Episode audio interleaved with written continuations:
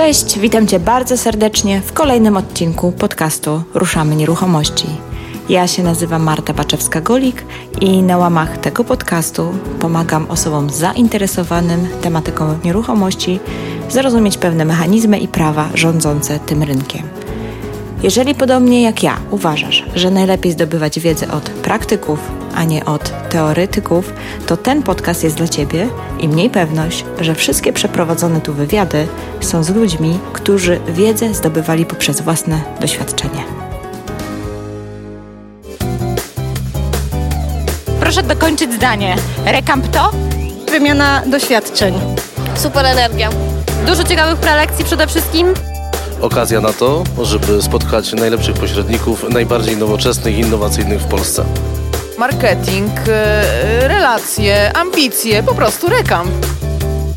Edukacja, edukacja, edukacja. Cześć, witam, witam, witam Was w kolejnym odcinku podcastu Ruszamy Nieruchomości i w kolejnej odsłonie moich rozmów z rekampowymi gośćmi. Tym razem myślę, że będzie to bardzo ciekawa rozmowa. Mój rozmówca nie tylko naprawdę wie o czym mówi, ale też potrafi o tym opowiadać z lekkością, z fajnym poczuciem humoru. Jestem pewna, że będzie Wam się dobrze tego słuchać. O czym i dla kogo jest ten odcinek?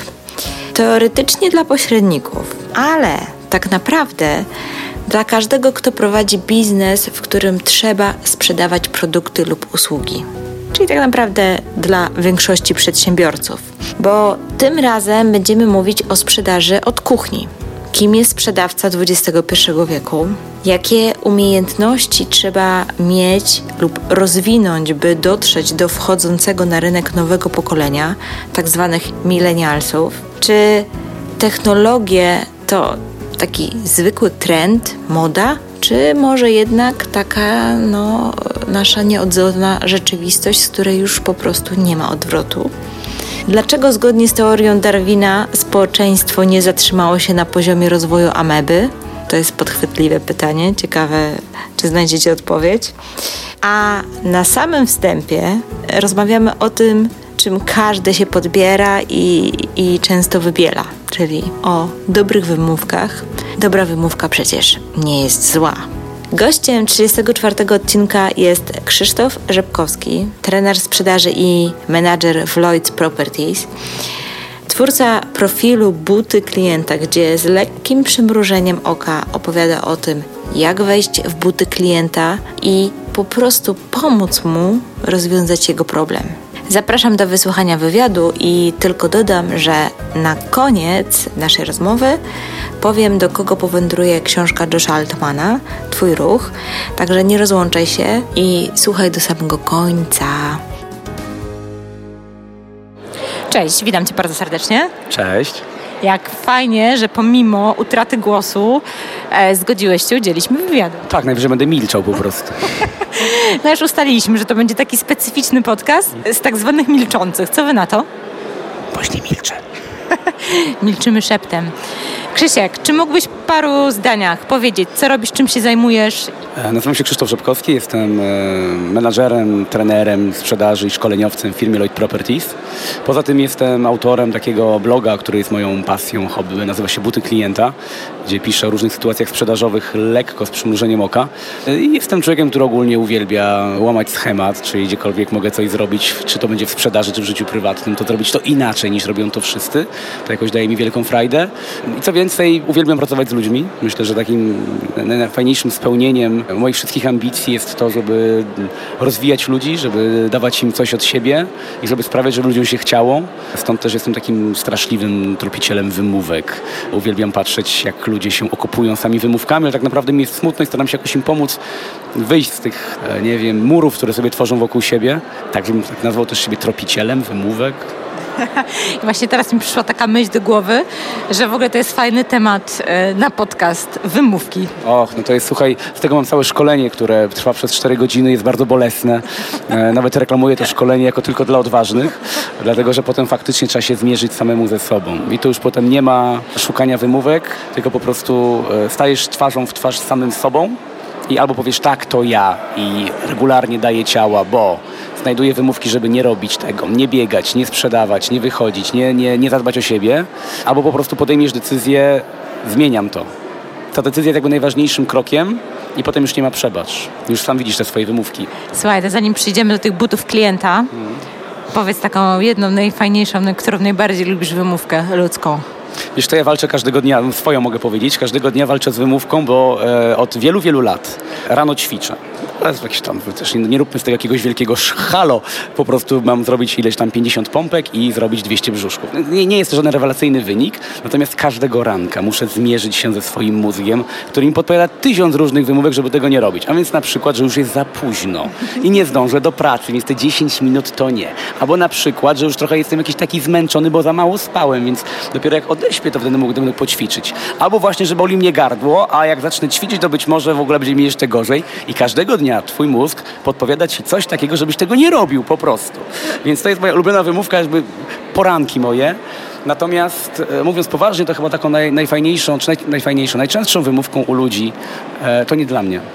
To nie dla mnie i, i to mówią ludzie na każdym y, y, poziomie wykształcenia i w każdym wieku. Zarówno ludzie 50-letni mogą powiedzieć, że to już nie dla mnie, czyli jestem za stary, ale coś takiego też mówią dwudziestolatkowie. Stary to nie dla mnie, nie jestem taki, wiesz, to może dla tych, dla tamtych, dla tych jakichś lepszych, to nie dla mnie. Najczęstsza wymówka, do której wszystko wrzucisz. Super. No, powiem Ci tak, zdarzyło mi się też tak powiedzieć. Myślę, że nie ma ludzi, którzy sobie tego nie mówili w głowie kiedyś. Tym bardziej, że ten brak wiary w siebie i poszukiwanie wymówek został nam to przekazany przez, i przez wychowanie, i przez szkołę, przez ten model taki narzucający pewnego rodzaju rozwiązania nie dawała nam poczucia kreatywności i tego, że to jest w naszych rękach, tylko po prostu musisz coś robić. A jak musisz, no to szukasz wymówek, żeby tego nie robić. Więc to nie dla mnie, nie chce mi się, nie mam czasu zarobiony, jestem żadnej roboty nie wezmę, jak w klasycznym cytacie z filmu Barei. Powiem Ci tak, myślałam, że tutaj coś zabawnego powiesz, a tu refleksyjnie mi się zrobiło nawet. No jakoś tak, człowiek utracił głos i poczucie humoru jednocześnie. Nie, nie, to trzeba, to trzeba, to, to trzeba zmienić, to trzeba coś tutaj zmienić. Ale spotkaliśmy się dzisiaj, bo miałeś taki fajny wykład, gdzie mówiłeś o tym, kim musi się stać pośrednik, żeby za parę lat mieć klientów. Mógłbyś tak, dobrze to sparafrazowałam? Może nawet trochę, trochę inaczej. To znaczy, ja sobie zadaję takie pytanie, czy w tym rozpędzonym świecie, w którym technologie zaczynają dominować nad naszą codzienną, codziennym życiem, za kilka lat będzie jeszcze miejsce dla pośredników i miejsce dla sprzedawców. E, dzisiejszych biznes przenosi się bardzo szybko do internetu i na naszych oczach w ciągu ostatnich 4-5 lat wiele firm, które działało w kontakcie face to face z klientem tak naprawdę albo się przeniosło do świata wirtualnego, albo po prostu upadło. Przykładem dobrym są księgarnie chociażby, czy nawet sklepy ubraniowe, czy również sklepy spożywcze, które też się przenoszą do tego e-commerce. I zadaję sobie takie pytanie, jaką wartość dodaną musi mieć dzisiaj sprzedawca w ogóle, żeby w tym rozpędzonym świecie za kilka lat być w ogóle partnerem, atrakcyjnym partnerem dla dzisiejszego pokolenia 17-20 dwudziestolatków, czyli tych milenalsów, którzy za 4, 5, 8 lat wejdą na rynek pośrednictwa, czy wejdą na rynek, w ogóle będą kupowali nieruchomości. A więc co my dzisiaj powinniśmy wypracować? Czy tylko sama technologia jest tym narzędziem, który da nam jakąś wartość dodaną? Czy nasza wiedza, czy może coś jeszcze innego. I w moim przekonaniu wiedza i nowinki technologiczne, które nas ze wszystkich stron otaczają, są cholernie ważnym elementem. Czyli to są po prostu reguły gry, które musimy spełniać i bez nich młodzi ludzie nas nie kupią. Natomiast to nie jest wszystko. I dzisiaj jestem gdzieś głębokim takim zwolennikiem myśli budowania relacji tak zwanej human to human, czyli relacji, w której ja nie traktuję klienta jako klienta, a więc osobę, na którą patrzę tylko na portfel, ale to jest relacja oparta między człowiekiem a człowiekiem. A więc mnie nie tylko interesuje, w jaki sposób ci zareklamować mój produkt, ale tak naprawdę dojść do powodów, dla których ty w ogóle tego produktu możesz szukać. Czyli ja nie chcę ci sprzedawać produktu, nie chcę ci sprzedawać usługi, ja ci chcę sprzedawać rozwiązania twoich problemów. I dla mnie pośrednik 3D to jest właśnie osoba, która potrafi głęboko empatycznie wejść w sytuację klienta. I to jest coś, co nazywam butami klienta. Bo ludzie mają swoją perspektywę, swoje powody, żeby kupować. A większość sprzedawców uważa, że oni wiedzą lepiej od klienta, co jest dla, dla, dla klienta ważne. Czyli idziesz do sklepu i sprzedawca zaczyna cię zarzucać tysiącami sloganów reklamowych, zaczyna ci słodzić, e, zaczyna zachwalać swój produkt. E, tak naprawdę porównuję to często do takiej metafory rzucania makaronem o ścianę. Czyli typowy sprzedawca bierze taką garść makaronu, rozgotowanego i wali tym w ścianę. I, a nóż coś się przyklei. Czyli czymś trafi w tego klienta i ten klient powie, tak, to biorę to. I gada, i gada, i gada, jak trochę teraz ja. Podczas gdy klient wtedy tak naprawdę czuje się raczej saczony. klient wtedy chce uciekać. To jest pierwsza reakcja obronna i w tym momencie właśnie tracisz tego klienta, bo nawet kiedy byłby zainteresowany, to nikt z nas nie chce działać pod presją. Moment, w którym gada sprzedawca i reklamuje produkt, jest tym bardzo silnym momentem wywierania presji. Z naszej natury, ludzkiej natury, uruchamia nam się system obronny, czyli uciekaj, bo ci coś wciśnie. I uciekamy. Tak, lampka czerwona się zapala. Natomiast wracając jeszcze do tego naszego podwórka, ja zauważam takie jakby dwa nurty, które się bardzo mocno teraz ścierają na, na rynku pośrednictwa i biur. I widzę, że jest dużo takich nowoczesnych biur, które faktycznie zaczynają e, stosować te różne możliwości, jakie daje nam internet, możliwości, jakie daje nam technologia, a z drugiej strony są pośrednicy tak zwanej tej starszej daty, gdzie w ogóle nie doceniają tych narzędzi. W sensie takiej, że uważają, że one są zbędne. Najważniejsza jest ta ich wiedza, merytoryka w, w obsłudze klienta. I teraz sobie tak myślę, no bo już od dawna wiemy, że najlepsza jest zasada, zasada złotego środka, a mam takie wrażenie, że mamy, obserwujemy teraz takie, przynajmniej w mojej branży, tak, takie dwie skrajności. Z jednej strony są ci właśnie, co tam działali jeszcze za czasów, kiedy się kontaktowało ludzi w notesie, mieli tylko spis adresów, działały anonse i nic więcej, tak? A, a z drugiej strony są pośrednicy, którzy weszli teraz na rynek, są młodzi, otwarci na wszelkiego rodzaju technologie, więc to wszystko pięknie pokazują, ale z tą wiedzą tak trochę u nich i doświadczeniem jeszcze słabo, a trochę brakuje tego takiego środka. Nie wiem, co ty o tym myślisz? Nie wiem, czy aż tak bardzo wyraźna sprzeczność jest w tym wszystkim, dlatego że ci, którzy tak naprawdę nie poszli do przodu, to albo dzisiaj schodzą ze sceny, albo już dawno z niej zeszli. Podam Ci taki przykład niezwiązany z nieruchomościami, bo tutaj nie chciałbym wymienić jakichś firm nieruchomościowych, ale przykład z mojego zwykłego, codziennego życia. Przez wiele lat w Warszawie chodziłem na Świętokrzyskiej do pewnej kawiarni, która była przy księgarni. Bardzo fajne miejsce, gdzie mogłem wziąć sobie książkę, zjeść jakąś bułkę z serem i poczytać, poczytać coś i napić się dobrej kawy. Mijają lata i ta księgarnia trwa cały czas w ten sam sposób. Obok niej w ciągu ostatnich 3-4 lat powstały fantastyczne kawiarnie, gdzie mam ręcznie przygotowane kanapki jeszcze z imieniem autora, czyli przygotował dla ciebie Rafał, dajmy na to, albo Hania tę kanapkę. Gdzie mam wybór różnego rodzaju tart, gdzie mam fantastyczny zapach, gdzie mam hulające Wi-Fi, gdzie mam miłą bardzo atmosferę, fajnych właścicieli i powiem Ci, że ostatnio tam wszedłem do tej kawiarni znowu, do tej mojej starej kawiarni, tak na nich popatrzyłem jak zapytałem, czy mogą, mają coś do jedzenia, mi zaproponowali taką kanapkę z serem zafoliowaną czyli coś, co znamy z dworców PKP sprzed 15 lat i kawę i to było wszystko, to stwierdziłem, że oni już umierają.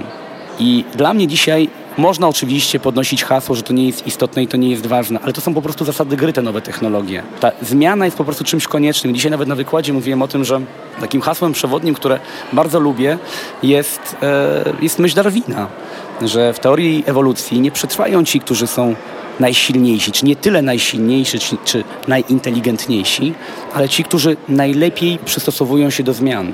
I nowe technologie są dla pokolenia, które będzie naszymi klientami, ich trzecią ręką. Ci ludzie dzisiaj spędzają po 50 parę minut na Facebooku, to jest jeszcze mało. Prawdopodobnie gdyby mieli szkoły, to by spędzali po 5 godzin na Facebooku. W każdym razie, jak tylko wyjdą ze swojej szkoły, wyciągają komórki, kiedy siedzą razem w kawiarni, to może zamienią 10 zdań, natomiast większość czasu spędzają w tym, żeby porobić zdjęcia, otagować je, wrzucić je na Face'a, na Insta i potem na Snapa i czekać na lajki. No powiem Ci, że dwa lata temu byłam w Singapurze i tam już zupełnie inaczej ta rzeczywistość wygląda. Tam jak się jedzie w metrze, no to trochę może nawet i smutne jest, bo tam widać, że wchodzi grupa na przykład młodzieży ze szkoły, bo są ubrani w mundurki szkolne i te dzieci siedzą w smartfonach. Nie wiem, czy oni tak rozmawiają między sobą, czy rozmawiają z kimś innym. W każdym razie oni siedzą w telefonach. U nas to też obserwujemy wśród młodych ludzi, ale ja tam zaobserwowałam, że tam nawet takie osoby po 70 też to samo robią. Mhm. Więc pewnie taka przyszłość nas czeka i to całkiem niebawem. Jakby nie jest naszym tematem, żebyśmy wchodzili teraz, czy to jest dobre, czy złe. Ja mam swoje dzieci i wychowuję oczywiście tak, żeby nie siedziały cały czas, czyli nie chcę, żeby w przyszłości siedziały cały czas w komórce. Natomiast e, mówimy teraz pod kątem globalnym, jak będzie wyglądał rynek za kilkanaście lat. I tutaj nie mamy żadnych złudzeń, że ten rynek przenosi się do internetu i że internet jest najpoważniejszą bronią sprzedażową, czy narzędziem sprzedażowym. No więc dzisiaj uważać, że będę budował swój biznes tylko i wyłącznie na relacji i że mogę pozostać na dawnych, sprawdzonych rozwiązaniach z lat 90. czy z początku XXI wieku, okej, okay, ale to jest tylko i wyłącznie dedykowane do tego samego pokolenia. Dlatego, że taki produkt, tak zapakowany, nie trafi do pokolenia ludzi, którzy urodzili się w roku 90, 95 czy w roku 2000. Stąd odpowiadając na Twoje pytanie, uważam, że ci, którzy tak oporni są wobec nowych technologii, no trochę zachowują się jak ta kawiarnia, o której wspomniałem. I nawet ja, ten wierny klient, który tam chodził przez tyle lat, w którymś momencie stwierdził, no natomiast powiem Ci, że tam w środku nie ma w ogóle już młodych ludzi w tej kawiarni, którzy uwielbiają sobie siedzieć w Starbucksie, ale tam już nie przychodzą, Starbucks jest na skrzyżowaniu kawałek dalej. Znowu z drugiej strony, jeżeli widzę, e, mówisz o ludziach młodych, którzy inwestują w technologię, a może nie mają tego parcia na wiedzę, to to jest właśnie większy problem. Dlatego, że same technologie mogą tworzyć efekt wow, ale nie dają tego, co jest w sprzedaży najważniejsze. Sprzedaż jest oparta na wiarygodności. A moja wiarygodność nie będzie się brała z tego, że jestem dobrze opakowany, w tym momencie tworzysz tak naprawdę wydmuszkę. Czyli masz świetnie piękny branding, ale w środku jest pusto. I wielu ludziom, którzy do mnie przychodzą na jakieś takie rozmowy, co dalej, czyli, jak zaplanować sobie biznes, mówię najpierw dwa, trzy lata co najmniej musisz, przepraszam za wyrażenie, dostać w pieprz. Czyli pójść do sprzedaży door to door po prostu. Tu nie zbudujesz nagle wizerunku teraz poprzez genialny marketing, fantastyczne posty na Facebooku, e, poprzez świetne logo, czegoś, co będzie wartością dodaną na dłużej. Dlatego, że za chwilę przyjdzie ktoś, kto zada ci dwa, trzy pytania i obnaży twoją niewiedzę i cała twoja wiarygodność padnie. A różnica między dawnym światem a dzisiejszym polega na tym, że ten, kto obnaży twoją małość, twoją słabość, może to upublicznić w ciągu ułamka sekundy. Czyli kiedyś, jeżeli nawet narobiłeś bagna bigosu, to opinia mogła się rozejść wśród grona znajomych danej osoby. Dzisiaj jakikolwiek błąd, który popełniasz, ma wielką szansę, że trafi do internetu. Co więcej, na Twoim profilu na Facebooku ktoś napisze. No i możesz to oczywiście, nie wiem, usunąć, ale to też nie jest zabieg, który służy daleko idącej sprzedaży. Musisz się mierzyć również z obiekcjami klientów. Więc cały mój wykład, który dzisiaj prowadziłem, tego pośrednika 3D, trochę tak właśnie przekornie nazwany 3D, żeby się kojarzyło z nowymi technologiami. E, a 3D oznaczało po pierwsze pośrednika trzeciej dekady, czyli jak moim zdaniem powinna wyglądać sprzedaż nieruchomości za te trzy lata, kiedy przyjdzie trzecia dekada XXI wieku. A z drugiej strony pokazałem, że 3D to są trzy wektory sprzedaży, czyli wiedza, nowe technologie i umiejętność budowania relacji human to human. Super. To są zdecydowanie najważniejsze rzeczy. Ja tak sobie myślę, że trzeba zdecydowanie dążyć do tego, żeby po prostu równolegle rozwijać się we wszystkim. I wtedy to zaczyna działać. W pewnym momencie zaczyna trybić. E, także nie tak dawno nagrywałam wywiad z Altmanami i oni, oni też, e, jak zaczynali, oni sprzedali nieruchomości za ponad 2 miliardy dolarów przez 15 lat, umówmy się, 15 lat prowadzenia biznesu to jest nic. O zrobienie obrót na 2 miliardy dolarów, no to no chyba chłopaki wiedzą, co robią. Ale jak zaczynali? No zaczynali po prostu od telefonów, i oni to mówią calling for dollars, czyli że za dolara dzwonienie, czy jakoś tak to nazywają. Czyli telefony, umawianie się, spotkanie, samochód i, i po prostu jeżdżenie, jeżdżenie, jeżdżenie, jeżdżenie. Dzięki temu stali się ekspertem swojej dzielnicy. Jak się stali ekspertem, zaczynali budować wiarygodność. Jak zaczęli budować wiarygodność, zaczęli się trafiać coraz bardziej poważni klienci i to jest po prostu taki proces i nie da się tego przeskoczyć. To jest, to mi przypomina historię, którą w jednej ze swoich książek opisuje Brian Tracy, czyli jeden z takich najbardziej znanych chyba obecnie w Polsce szkoleniowców w sprzedaży, który opisuje historię swojego syna, który kiedy był już człowiekiem tam po studiach, miał 20 parę lat, przyszedł do ojca i zapytał, tato, co mi radzisz teraz robić? Brian Tracy wtedy był już potężnym twórcą całej Brian Tracy International, więc bez żadnego problemu mógł swojego syna ustawić w jednej ze spółek na całym świecie i syn by sobie szczęśliwie i bogato żył do śmierci. A Brian Tracy mu powiedział tak, słuchaj chłopaku, ty idź teraz na door to door na dwa lata. Po prostu idź i sprzedawaj książki telefoniczne, cokolwiek takiego. Door to door masz chodzić. Może już nie książki, ale coś innego, książki w ogóle. Dlaczego? Dlatego, że sprzedaż, ta sprzedaż twarzą w twarz z klientem, to jest coś, co wzmacnia osobowość. Dlatego, że sprzedaż to jest słowo nie, to jest odrzucenie, które słyszysz dziesiątki razy.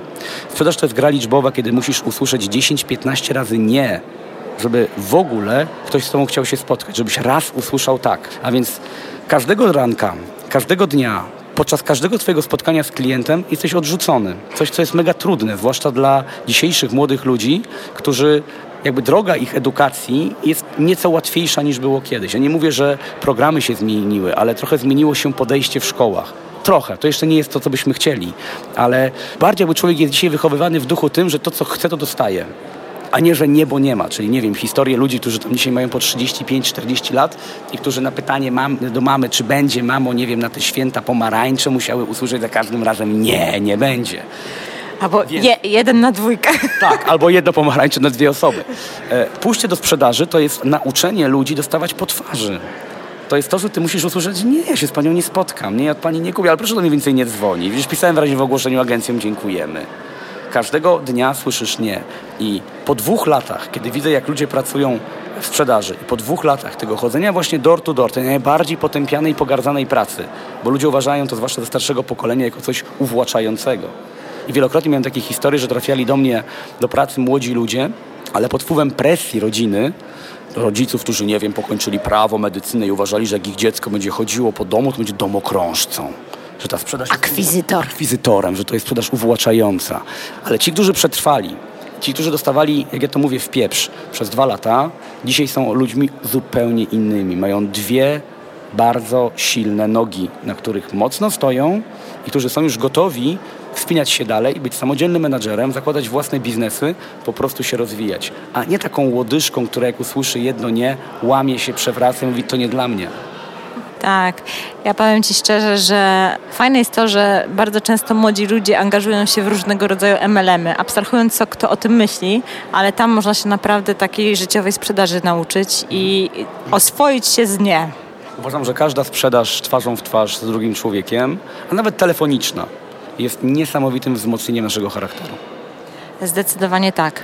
No dobra, porozmawialiśmy o sprzedaży i o środku, a jeszcze powiedzmy coś o tych butach klienta.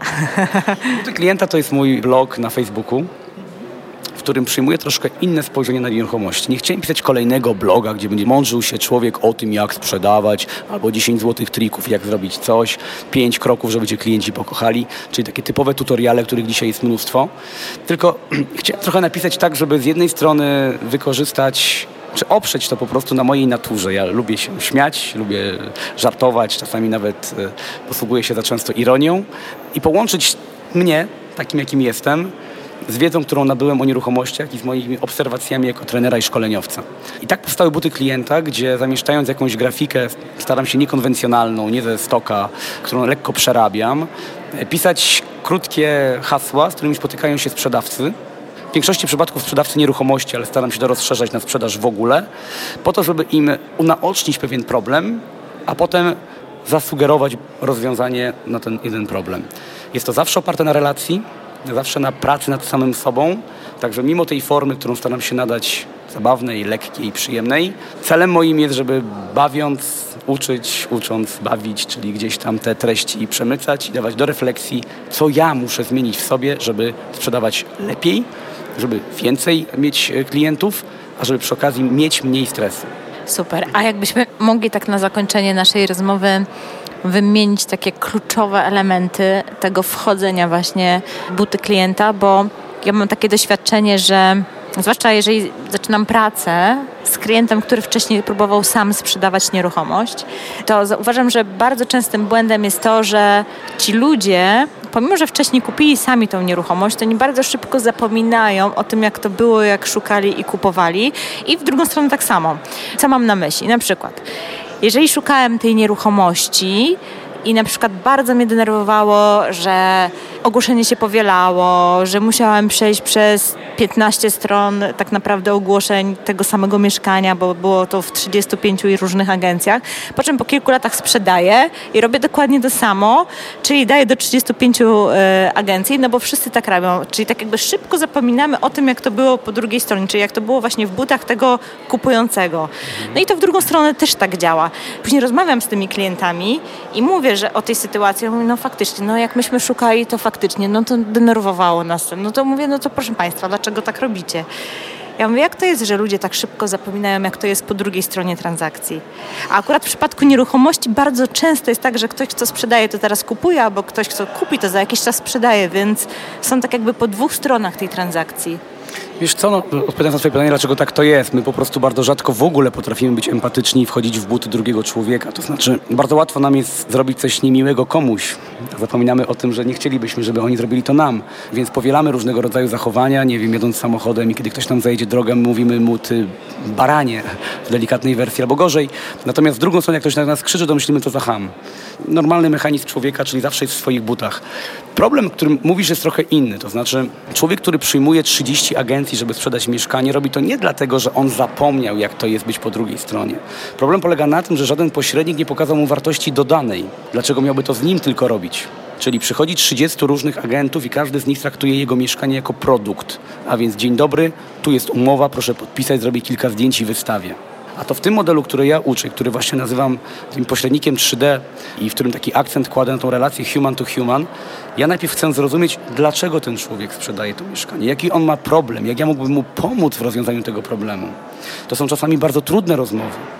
Czasami klienci o tym nie chcą rozmawiać, ale na dłuższym etapie widzą, że właśnie otwierając się przede mną i budując tą relację opartą na szczerości i zaufaniu, my razem więcej ugramy.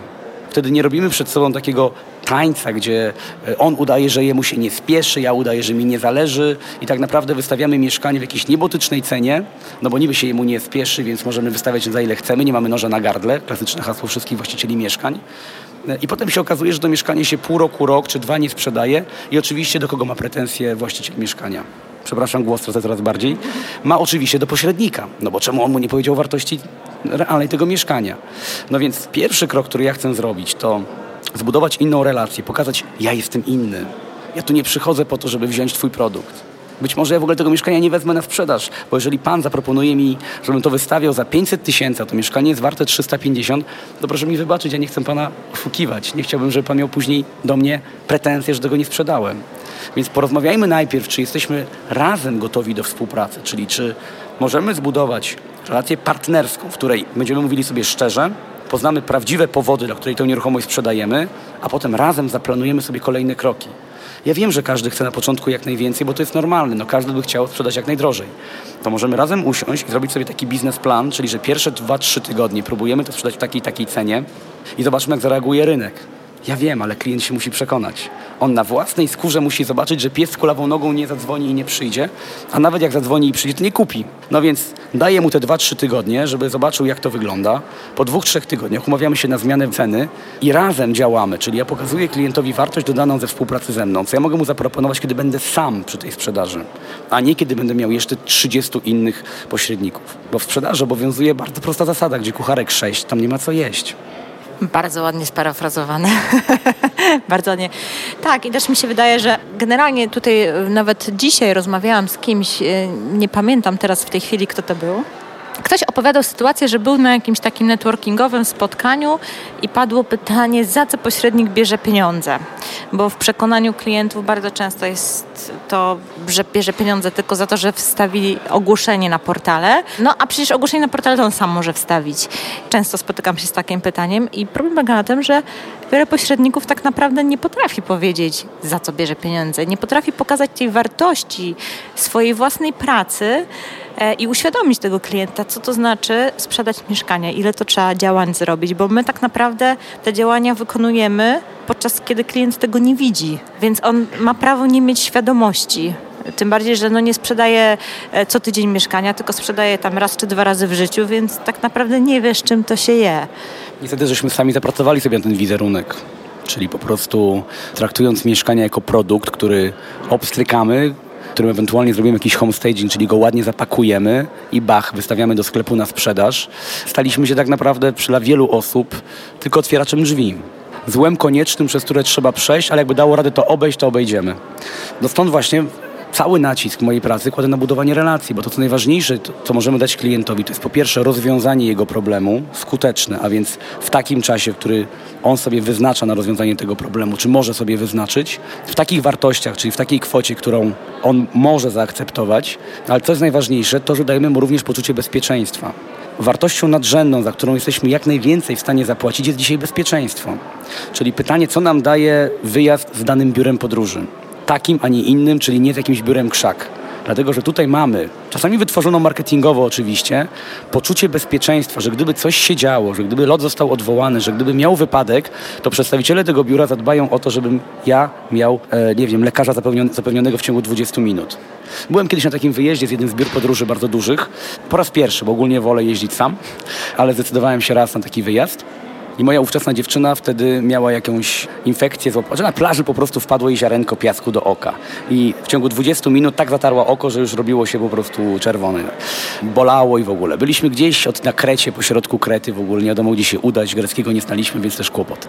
No i zadzwoniłem do tego biura podróży i nagle pani mi powiedziała, no ja nie wierzyłem w ogóle, że ktoś odbierze telefon mój. Gdzieś dzwonię z środka Krety, jakaś sobota była. Nagle odbierała miła pani i ta miła pani mówi, dobrze, dziękuję, za 10 minut do pana oddzwonię z umówioną wizytą. Odłożyłem telefon i mówię do mojej dziewczyny, słuchaj, po prostu bzdury, tak, nie uwierzę w to. I za 10 minut oddzwoniła pani i powiedziała, że za pół godziny mamy wizytę 20 metrów dalej, czy tam 200 metrów dalej. Nie mogłem w to uwierzyć, ale właśnie wtedy zrozumiałem, że ja płacę za bezpieczeństwo. I podobnie jest przy jakimkolwiek zakupie. Nawet kiedy kupujesz droższe ubranie i nie stawiasz akurat na markę, bo część osób kupuje dlatego, że jest tam ta, nie wiem, biało-czerwona flaga Hilfigera, ale kupujesz coś droższego, to wierzysz głęboko, że kupujesz właśnie albo bezpieczeństwo, albo wyższą jakość, czyli bezpieczeństwo również, bo wyższa jakość za tym idzie. A więc, że nie będziesz miał sytuacji, w której na przykład koszula ci się podrze podczas wystąpienia, bo była z tak tandetnej bawełny. Kupuję bezpieczeństwo. To jest ta wartość dodaną, którą trzeba pokazać klientowi. Kiedy on kupuje ze mną mieszkanie, on musi mieć absolutny spokój i pewność, że to jest dobry wybór i że jest ktoś nad tym czuwa. I za to płaci mi moje wynagrodzenie. I za to przede wszystkim punkt pierwszy, że znalazłem rozwiązanie dokładnie na jego problem. I wiadomo, że niektórzy klienci mówią, no wie pan, gdyby pan mi pokazał 15 mieszkań, to wtedy mógłbym panu tyle zapłacić. A pan mi pokazał tylko jedno, ja kupiłem, no to poproszę o zniżkę. A ja mówię, ale to w takim razie mam panu pokazać 100 mieszkań innych, żeby pan uważał, że zasługuje na te pieniądze? Czy lekarz musi przypisać 54 lekarstwa, różne antybiotyki, żebyś uznał, że dobrze zapłaciłeś te 200 zł? Czy dopiero kiedy rozwiązałeś jego problem, twój problem przy pierwszym? Moje ulubione jest, jak sprzedam mieszkanie komuś w tydzień, pomimo, że sam wcześniej pół roku sprzedawał. No ale to tak szybko, to, to, to jakaś zniżka. No właśnie. To właśnie ja bym poprosił wtedy jakąś ja, dopłatę? No właśnie, a ja mówię, a może jakiś bonus? Premia? Dobra, może być przynajmniej dobra whisky. Albo po prostu uśmiech i podziękowanie, tak? No, coś w tym jest, coś w tym jest, że właśnie, że za szybkie działanie też często jest niedoceniane. W każdym razie podsumujmy w kilku zdaniach. Pośrednik 3D to? To osoba, która łączy trzy kompetencje. Wiedzę o produkcie, a więc wiedzę merytoryczną, wiedzę z zakresu prawa nieruch- dotyczącego nieruchomości, wiedzę techniczną o budynkach chociażby, czy o gruntach, a więc wiedza. Druga gałąź to są nowe technologie, który wie, że Dzisiaj klient, jeżeli nie dostanie pewnego rodzaju jakości, to pójdzie po prostu do innej piaskownicy, a więc inwestuje w rozbudowane CRM-y, w rozbudowany marketing internetowy, który puszcza do nieruchomości drony, czy nad nieruchomościami drony, a do nieruchomości wnętrza 3D, czy inne technologie spacerów 3D. Ale trzecia rzecz, która dla mnie jest najważniejsza, pośrednik 3D to jest osoba, która buduje relację spersonalizowaną, a więc buduje relację człowieka do człowieka. Kiedy ma czas na tą drugą osobę, chce zrozumieć jego problemy, po to, by móc je rozwiązać. Świetnie powiedziane i na zakończenie komunikat do osób, które nas słuchają, a które nie są pośrednikami, a zamierzają sprzedać lub kupić nieruchomość. Myślę, że teraz już wiecie, jakiego pośrednika macie szukać. Ja zawsze powtarzam, że albo zrób to sam, albo znajdź naprawdę odpowiednią osobę, bo naprawdę jesteśmy teraz na rekampie, jest tu ponad 500 pośredników i to są ludzie, którzy szukają różnych rozwiązań, różnych odpowiedzi i w całym naszym kraju są pośrednicy, z którymi warto nawiązać współpracę, tylko trzeba faktycznie ich poszukać i absolutnie nie decydujcie się na pierwszego lepszego, który do Was zadzwoni. Poszukajcie pośrednika 3D. Dziękuję bardzo i przepraszam, że dzisiaj brzmiałem jak Jan Himlisbach. Dzięki wielkie za rozmowę. Nie wiem jak ty, ale ja jak odsłuchiwałam tą rozmowę, robiąc do niej notatki dla Andrzeja, e, Andrzej to jest osoba, która mi wszystko ładnie obrabia, żeby dźwięk był piękny, za co jestem mu ogromnie wdzięczna. Miałam taki duży uśmiech na twarzy. Muszę przyznać, że Krzysztof ma niezwykłą umiejętność przekazywania wiedzy ważnej w lekkiej formie. Jestem ciekawa, co Ciebie najbardziej uderzyło. Ja sobie wynotowałam kilka zdań, takich zdań kluczy. Jednym z nich jest to, że sprzedaż bezpośrednia wzmacnia osobowość. Praktycznie nie ma dzisiaj przedsiębiorstwa, które dałoby radę funkcjonować bez sprzedaży swoich usług czy też produktów. A jednak wciąż i wciąż sprzedaż bezpośrednia postrzegana jest jak coś gorszego. Dlaczego? Nie wiem. Nie mam pojęcia, dlaczego tak się dzieje. Natomiast wiem na pewno, że jest to jedna z przyczyn, dla których wytrwanie w sprzedaży bezpośredniej przez 2 czy 3 lata daje taką siłę, jakiej chyba żadne zawodowe doświadczenie nie buduje. Usłyszenie tysiące razy od kogoś, że nie jest zainteresowany Twoją ofertą, a mimo to nie poddanie się, jest naprawdę wyczynem. Dlatego chylę czoła przed wszystkimi sprzedawcami. Jestem ciekawa, co Ty o tym myślisz. Napisz mi swój komentarz bezpośrednio pod odcinkiem lub na Facebooku pod postem z tym odcinkiem. Link do odcinka brzmi tak: www.ruszamynieruchomości.pl łamane na RN34. Oczywiście ruszamy nieruchomości bez polskich znaków. Będzie super, jak zarekomendujesz ten odcinek jednej osobie ze swojego otoczenia, a jeszcze jak dodasz swoją opinię w serwisie iTunes, to już zupełnie będzie cudownie. Na sam koniec dwa ogłoszenia. Przypominam, że po majówce robimy spotkanie na żywo z Martą Smith. Będzie to w formie webinarowej. Będziesz mogła zadać tam wiele pytań odnośnie inwestowania. Marta poprowadzi wykład, ale też będzie odpowiadać na pytania. Szczegóły tego wydarzenia znajdziesz na www.ruszamynieruchomości.pl łamane na RN33. Jak nie chcesz żeby Cię to wydarzenie ominęło, to koniecznie zapisz się już teraz na moją listę mailingową. Zapisać się możesz na stronie głównej, wpisując swój adres mailowy na tym wielkim banerze z moim zdjęciem, lub przy każdym z odcinków jest taki różowy boksik, gdzie też można wpisać maila.